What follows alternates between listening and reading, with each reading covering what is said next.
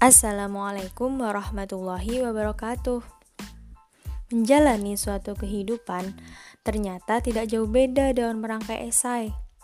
Perbanyak literasi untuk mendapatkan gagasan layaknya seseorang dalam kehidupan yang sedang mencari pedoman.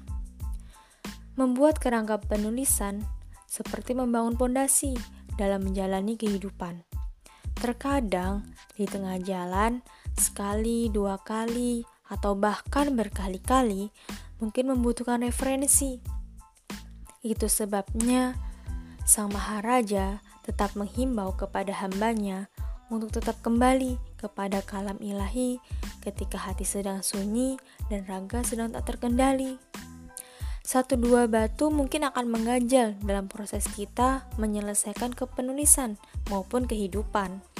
Tetapi ingatlah, satu janji Allah yang pasti dan tak mungkin diingkari untuk menolong hambanya yang di bumi, intan surullaha yang surkum wa yusabis akadamakum.